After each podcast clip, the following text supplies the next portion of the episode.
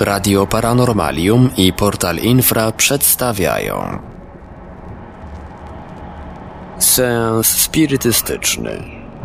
Wykłady o spirytyzmie Tomasza Grabarczyka Witam wszystkich na siódmym i ostatnim wykładzie kursu spirytystycznego. Tematem dzisiejszego wykładu będzie opętanie według spirytyzmu. I tak, na tym wykładzie będę mówił o wpływie duchów, zarówno tych wcielonych, jak i odcieleśnionych na nasze czyny, na nasze myśli. Kardek w Księdze Duchów w pytaniu 459 zadał pytanie duchom, czy duchy wywierają wpływ na nasze myśli i czyny? Odpowiedziały mu one, gdy o to chodzi, to ich wpływ jest o wiele większy niż sądzicie, ponieważ często mają one wpływ zarówno na myśli, jak i czyny. Więc widzimy tutaj, duchy ciągle na nas oddziałują, ciągle oddziałują na nasze myśli, ciągle oddziałują na nasze czyny, więc musimy być ostrożni. Musimy być ostrożni w tym, co myślimy, musimy być ostrożni w tym, co robimy. Ciągle musimy uważać. Więc zrozummy, że ciągle jesteśmy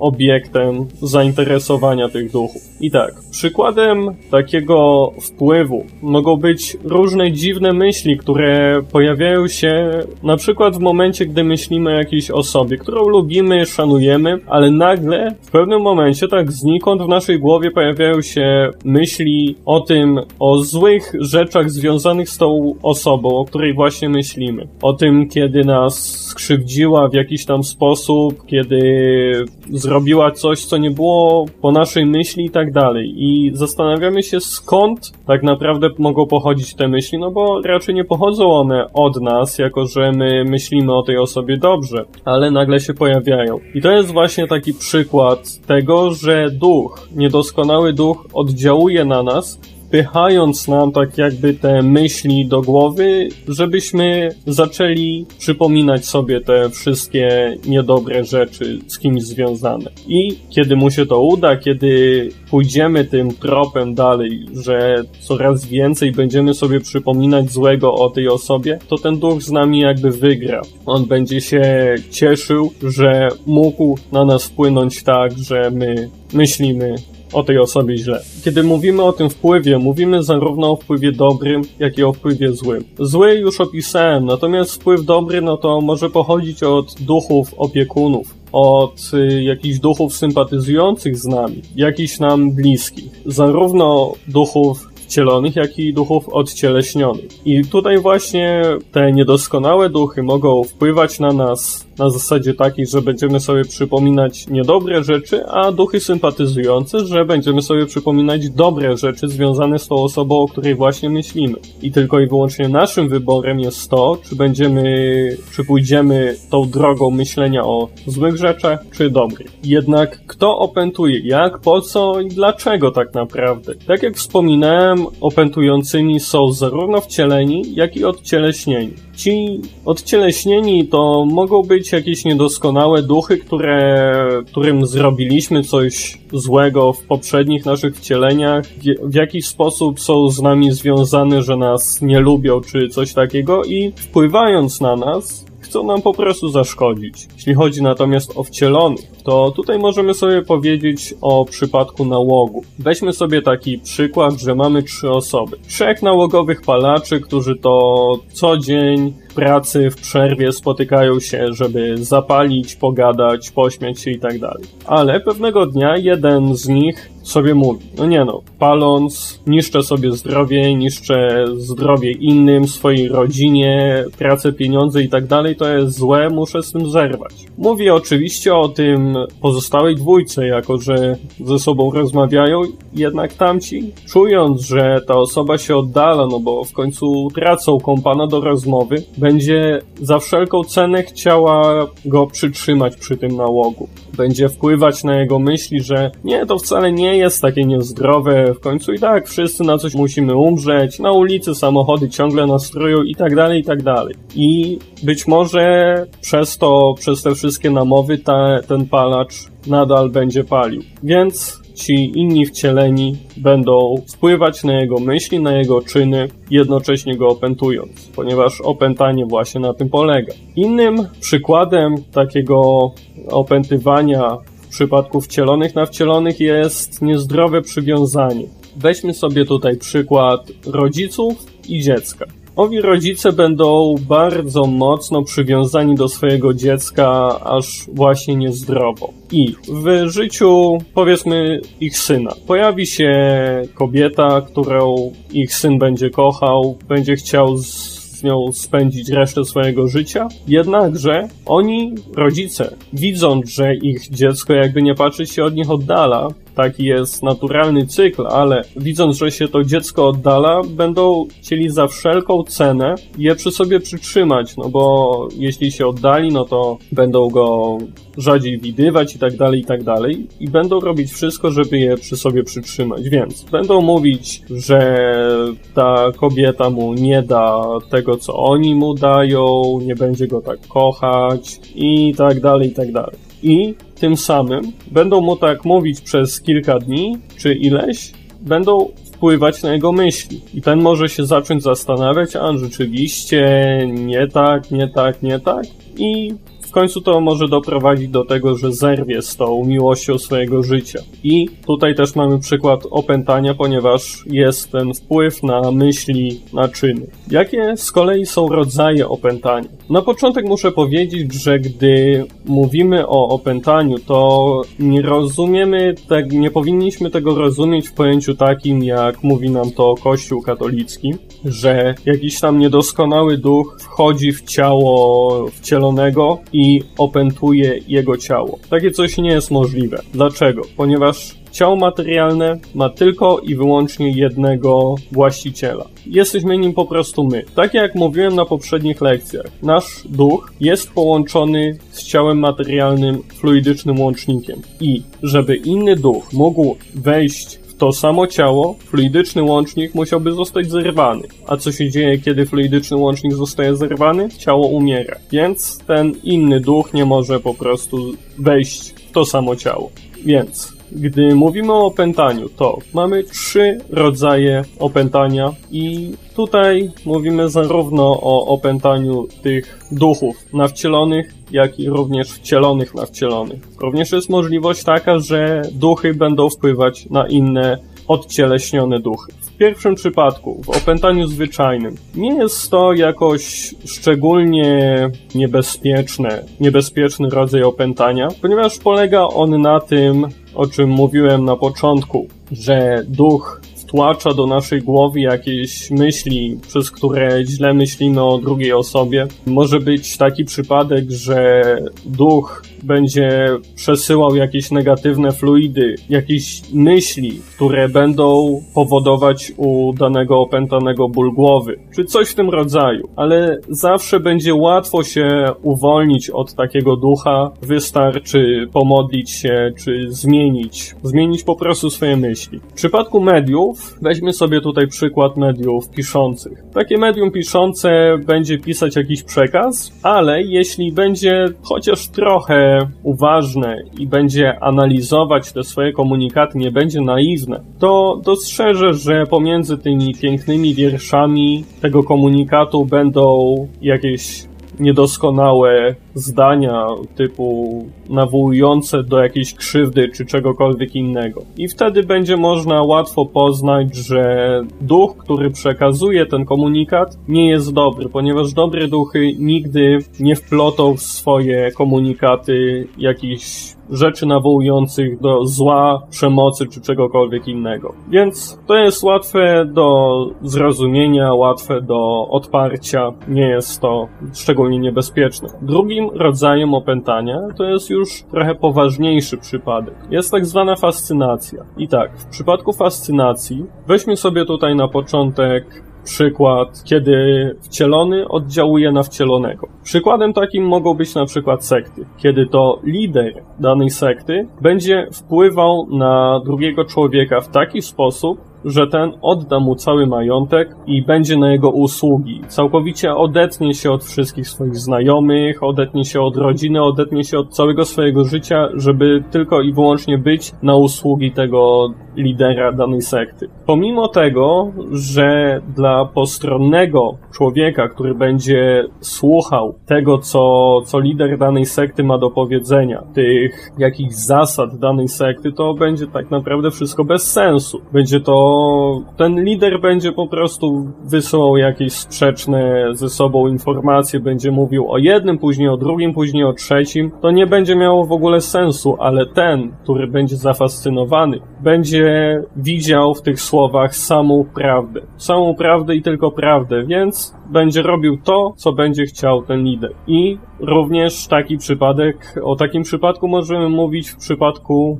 mediów, kiedy to duch, który zafascynuje tego, to medium, będzie dawał jakiś komunikat. I tutaj już nie będzie tak łatwo, że to medium przeczyta ten komunikat, przeanalizuje i dostrzeże, że ten duch jest y, niedoskonały. Ponieważ w tym przypadku duch opętujący będzie musiał być bardziej wyrachowany, bardziej cierpliwy, bardziej um, będzie musiał się umieć kamuflować. Ponieważ na początku będzie musiał omamić to medium, jakimiś, y, będzie musiał założyć maskę i będzie musiał mówić o dobroci, o miłosierdziu, miłości i tak dalej, żeby przekonać to medium do siebie, zafascynować je, żeby to medium uwierzyło jego słowom, a później zacznie dawać jakieś sprzeczne ze sobą komunikaty, gdzie będzie mówił coś, później drugie zdanie będzie kompletnie czym innym, przekazywać inne informacje niż to pierwsze, czyli że w pierwszym zdaniu będzie mówił o miłości, a w drugim o nienawiści. Jednakże to medium, które będzie już pod jego wpływem, nie będzie w stanie odróżnić tego przekazu, nie będzie w stanie dostrzec tej nieprawidłowości. Dlatego też ważne jest, żeby takie medium nigdy nie działało same,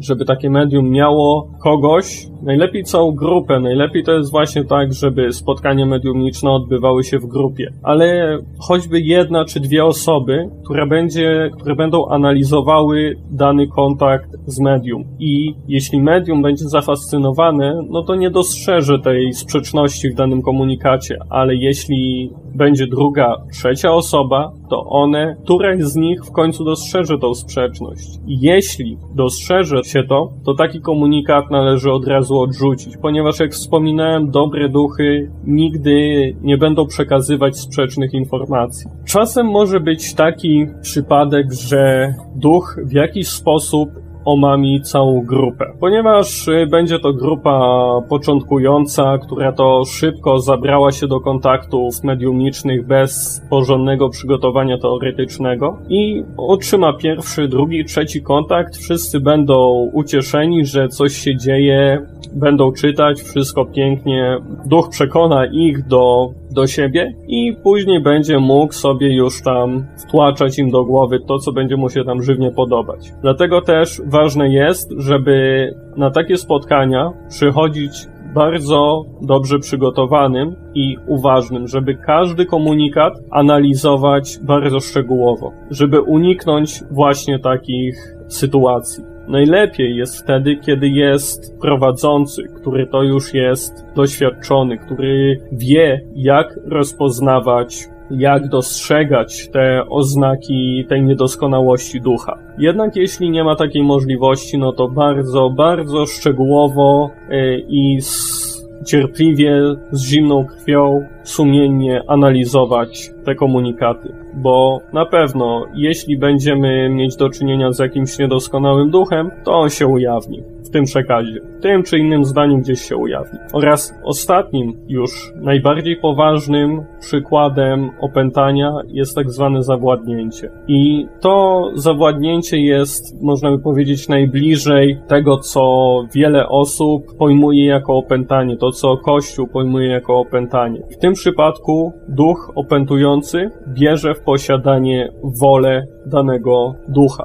Ducha czy człowieka więc ducha odcieleśnionego albo wcielonego. I możemy tutaj mówić o zawładnięciu zarówno psychicznym, jak i cielesnym. Jeśli chodzi o zawładnięcie psychiczne, to jest to przypadek, kiedy dany opętany nie może dostrzec jakiejś absurdalności swoich myśli. Dajmy na to, w jego głowie pojawi się myśl, że będzie chciał pójść do ogródka i wykopać sobie dół, żeby zrobić basen. Ale jeden szkopuł, minus 20 na dworze. Ale on będzie tak mocno o tym przekonany, ponieważ ten duch tak na niego wpłynie, że pójdzie i wykopie tą dziurę i zrobi tam sobie basen. Chociaż każdy wokół niego będzie mówił, że to jest bez sensu, co on robi. No ale ten będzie po prostu pod władaniem tego ducha. W przypadku zawładnięcia cielesnego możemy tutaj mówić o na przykład w przypadku mediów piszących. Były takie zdarzenia, kiedy to medium piszące pisało gdziekolwiek, dosłownie gdziekolwiek. Pisało palcem po ścianie, po drzwiach, nawet po ulicy, ponieważ nie mogło się powstrzymać. Normalnie medium piszące, które już jest, ma trochę doświadczenia, będzie mogło powiedzieć danemu duchowi, że nie, teraz nie mogę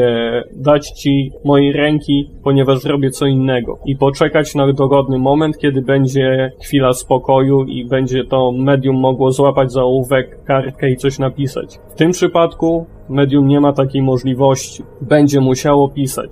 Gdziekolwiek by nie było, czegokolwiek by nie robiło. Innym przypadkiem takiego zawładnięcia cielesnego był taki przypadek, że człowiek, mężczyzna, który nie był już wcale młody ani szczególnie przystojny, był zmuszony w miejscach publicznych klękać przed młodymi kobietami i prosić je o rękę. Jak to wyglądało? No, każdy sobie może wyobrazić, jakby to wyglądało na ulicy. Innym przypadkiem było takie coś, że człowiek czuł taki ucisk w kolanach i kręgosłupie, że musiał uklęknąć i całować ziemię również w miejscu publicznym. Więc podejrzewam, że większość ludzi, która przechodziła koło, koło takiego człowieka, uważała go za szaleńca. Wszyscy znajomi uważali go za szaleńca. Najgorsze było dla niego to, że on to wszystko czuł. Wiedział, wiedział co robi, jednak nie mógł tego powstrzymać, ponieważ duch po prostu nad nim zawładnął i go do tego zmuszał. Jednak jak tak naprawdę możemy rozpoznać to opętanie u siebie czy u innych? Pierwszym znakiem tego, że jesteśmy opętani, może być to takie przeświadczenie o swojej nieomylności, że wszystko, co pomyślimy, jest na pewno dobre, na pewno nic temu nie można zarzucić, że każdy wokół nas, każdy będzie mówił, że ta myśl jest bez sensu. Na przykład to, że sobie przy minus 20 pójdziemy kopać basen. Ale my będziemy przeświadczeni, że ta myśl jest dobra, jest prawdziwa i to właśnie powinniśmy zrobić. Dalej, złe myśli. Znowu to, co mówiłem na początku, czyli że te jakieś niedobre myśli pojawiają się w naszej głowie związane z jakąś tam osobą. Unikanie dobrych rad i jakiejś pomocy od drugiego człowieka. To można tutaj dać przykład tych spotkań mediumniczych, kiedy to duch który zafascynował tą grupę czy dane medium, będzie podszeptywał, że wcale oni nie potrzebują tego prowadzącego, że ten prowadzący będzie im dawał tylko i wyłącznie same złe rady, że powinni się bez niego obejść i tak dalej. Kolejnym przykładem rozpoznania takiego opętania może być przyjmowanie każdego komunikatu od duchów. Dla przykładu, duch będzie mówił do danego medium, jestem Mojżeszem i przyszedłem zmienić prawa, zapisane prawa, a ty jesteś mym wybrańcem i tylko i wyłącznie ty jesteś w stanie zrobić to, co chcę. I medium to będzie w to wierzyć. Duch y, wspaniałymi słowami rozbucha ego danego medium do rozmiarów wszechświata i ono będzie wierzyć to, że naprawdę jest jedynym wybrańcem i przemawia do, do niego Mojżesz. Oczywiście jest to bez sensu i każda osoba mu to powie, jednak dane medium nie będzie w to po prostu wierzyć, ponieważ uwierzy temu duchowi, który to z kolei na próby zaprzeczenia będzie mówił nie, nie, oni są, oni ci zazdroszczą, to oni by chcieli być wybrańcami i tak dalej. Innym przykładem jeszcze tych złych myśli jest takie coś, że duch będzie szeptał na przykład rodzicowi, popatrz, jakie twoje dziecko jest leniwe. Rodzic będzie na to mówił sobie, nie, nie, no moje dziecko nie jest wcale leniwe, robi wszystkie zadania, jakie mu powierzam, jakie wszystkie obowiązki wykonuje, wszystko robi dobrze. I tak, ale ten duch nie da za wygraną, ciągle będzie to samo powtarzał. Zobacz, zobacz, nie zrobił tego, zobacz, nie zrobił tamtego. I w końcu ten rodzic popatrzy na swoje dziecko i powie rzeczywiście, moje dziecko jest leniwe. Ponieważ nie odrobiło zadania domowego, a akurat chciało je odrobić za pół godziny, bo najpierw musiało odpocząć po szkole. I wywiąże się z tego kłótnia. Przez to, przez tego ducha, który to wpłynął na myśli rodzica. Inny przykład, szczęśliwe małżeństwo. Kiedy niedoskonały duch będzie szeptał żonie, że jej mąż ją zdradza. Ona, no nie no, wierzy swojemu mężowi, będzie, on jest ze mną szczery i tak dalej. Jesteśmy ze sobą szczęśliwi. Ale tak powoli, powoli mąż będzie czasem co tydzień wychodził z kolegami gdzieś tam, żeby mecz pooglądać i poprzez te podszepty ta żona nagle o, on wychodzi tutaj niby z kolegami, ale tak naprawdę mnie zdradza i tak dalej, i tak dalej. I znowu poprzez ten wpływ tego ducha wywiąże się kłótnia, być może coś więcej. Więc właśnie tak możemy rozpoznać to opętanie, więc bądźmy uważni na nasze czyny, na nasze myśli i na to, co dzieje się wokół nas. Jednak komu tak naprawdę grozi to opętanie? Grozi to każdemu z nas. To nie ma co ukrywać, każdy z nas jest podatny, tylko że musimy takiemu duchowi zawsze musimy otworzyć drzwi. Musimy mu dać taką możliwość, ten dostęp do nas może mieć większą możliwość tego dostępu wtedy, kiedy jesteśmy chorzy, wtedy, kiedy jesteśmy w żałobie, czy po jakiejś fizycznej, czy umysłowej tam, traumie, urazie. Y, jednak w każdym tym przypadku musimy modlić się. Najlepiej się modlić, ponieważ to przyciąga do nas dobre duchy, które nas obronią. Y, szczególnie narażeni jesteśmy w przypadku ciężkiej depresji, ponieważ wtedy opuszczamy tą naszą ochronę, tą naszą tarczę, która chroni nas przed wpływem tych niedoskonałych duchów. Więc musimy na to bardzo mocno uważać. Inną taką poważną poważnym zagrożeniem są używki i wszystkie uzależnienia, czy to od alkoholu, narkotyków, papierosów, czegokolwiek. To też wszystko działa na naszą niekorzyść, ponieważ, tak jak mówiłem, swój ciągnie do swego. Przypadku myśli, że my wysyłamy jakieś tam myśli, więc w przypadku palaczy będą do nich ciągnąć duchy, które za życia były palaczami. I one są przywiązane do tej ziemi, ponieważ nie będą mogły pójść dalej, ponieważ będą przywiązane do dymu papierosowego czy czegokolwiek. I takie duchy zwykle są niedoskonałe, więc być może będą chciały opętać tego palacza, żeby jeszcze więcej palił, bo tym duchom będzie to pasować i analogicznie do innych używek. Więc musimy, znowu musimy patrzeć na to, co robimy i być na to uważnymi. Mogę tutaj dać jeden przykład, który to jest opisany przez doktora Andrew Powella w jednym z jego artykułów.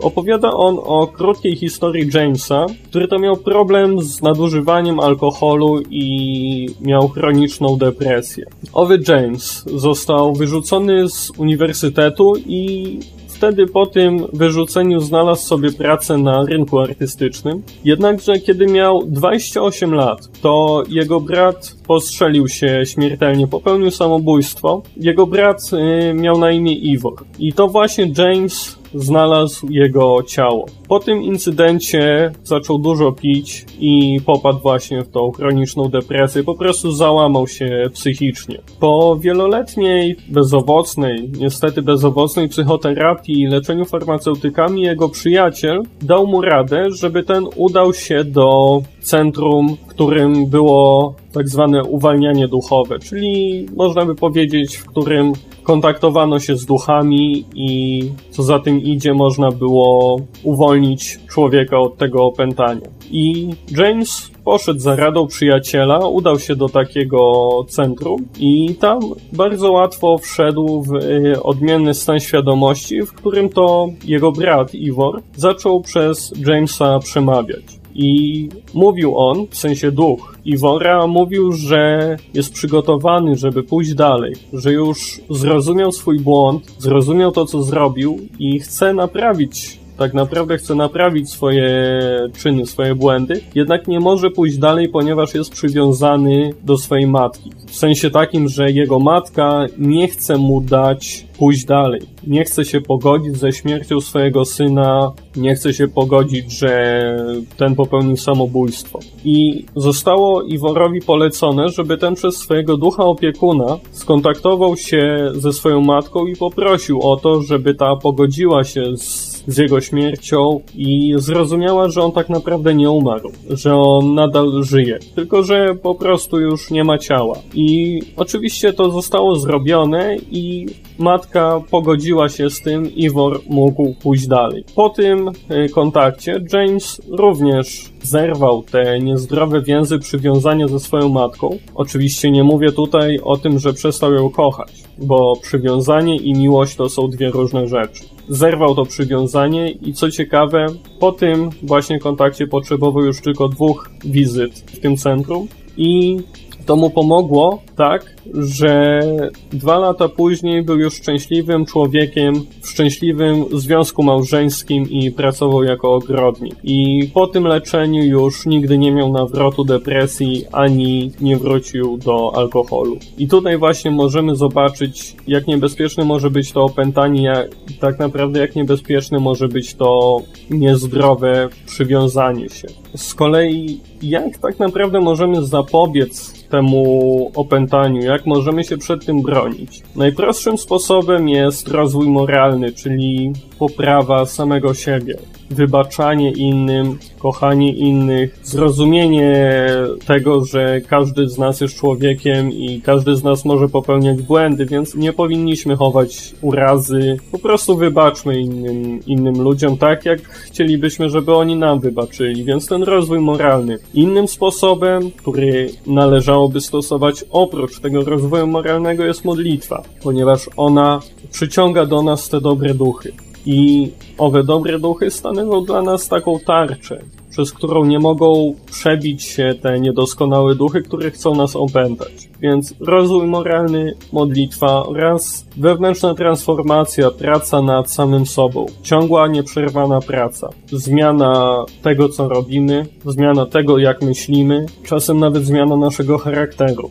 To jest właśnie związane z tym rozwojem moralnym. Żebyśmy robili, myśleli tak, żeby nie krzywdzić drugiego człowieka. I jeszcze raz powtarzam, pamiętajmy o tym, że nigdy nie jesteśmy w żaden sposób ofiarami. Te niedoskonałe duchy nie wybierają sobie poszczególnych osób i nie przychodzą do nich i ich nie opętują. O ile nie otworzymy im tych drzwi, o ile nie damy im do siebie dostępu, to nie będą nam przeszkadzać, ponieważ będą otaczać nas dobre duchy. Więc myślmy pozytywnie, pomagajmy innym, wybaczajmy innym, a na pewno wszystko, wszystko będzie z nami dobrze. Dziękuję bardzo za wysłuchanie mnie i dziękuję za uczestnictwo w tym kursie. Do zobaczenia lub do usłyszenia. Produkcja i realizacja Portal Infra www.infra.org.pl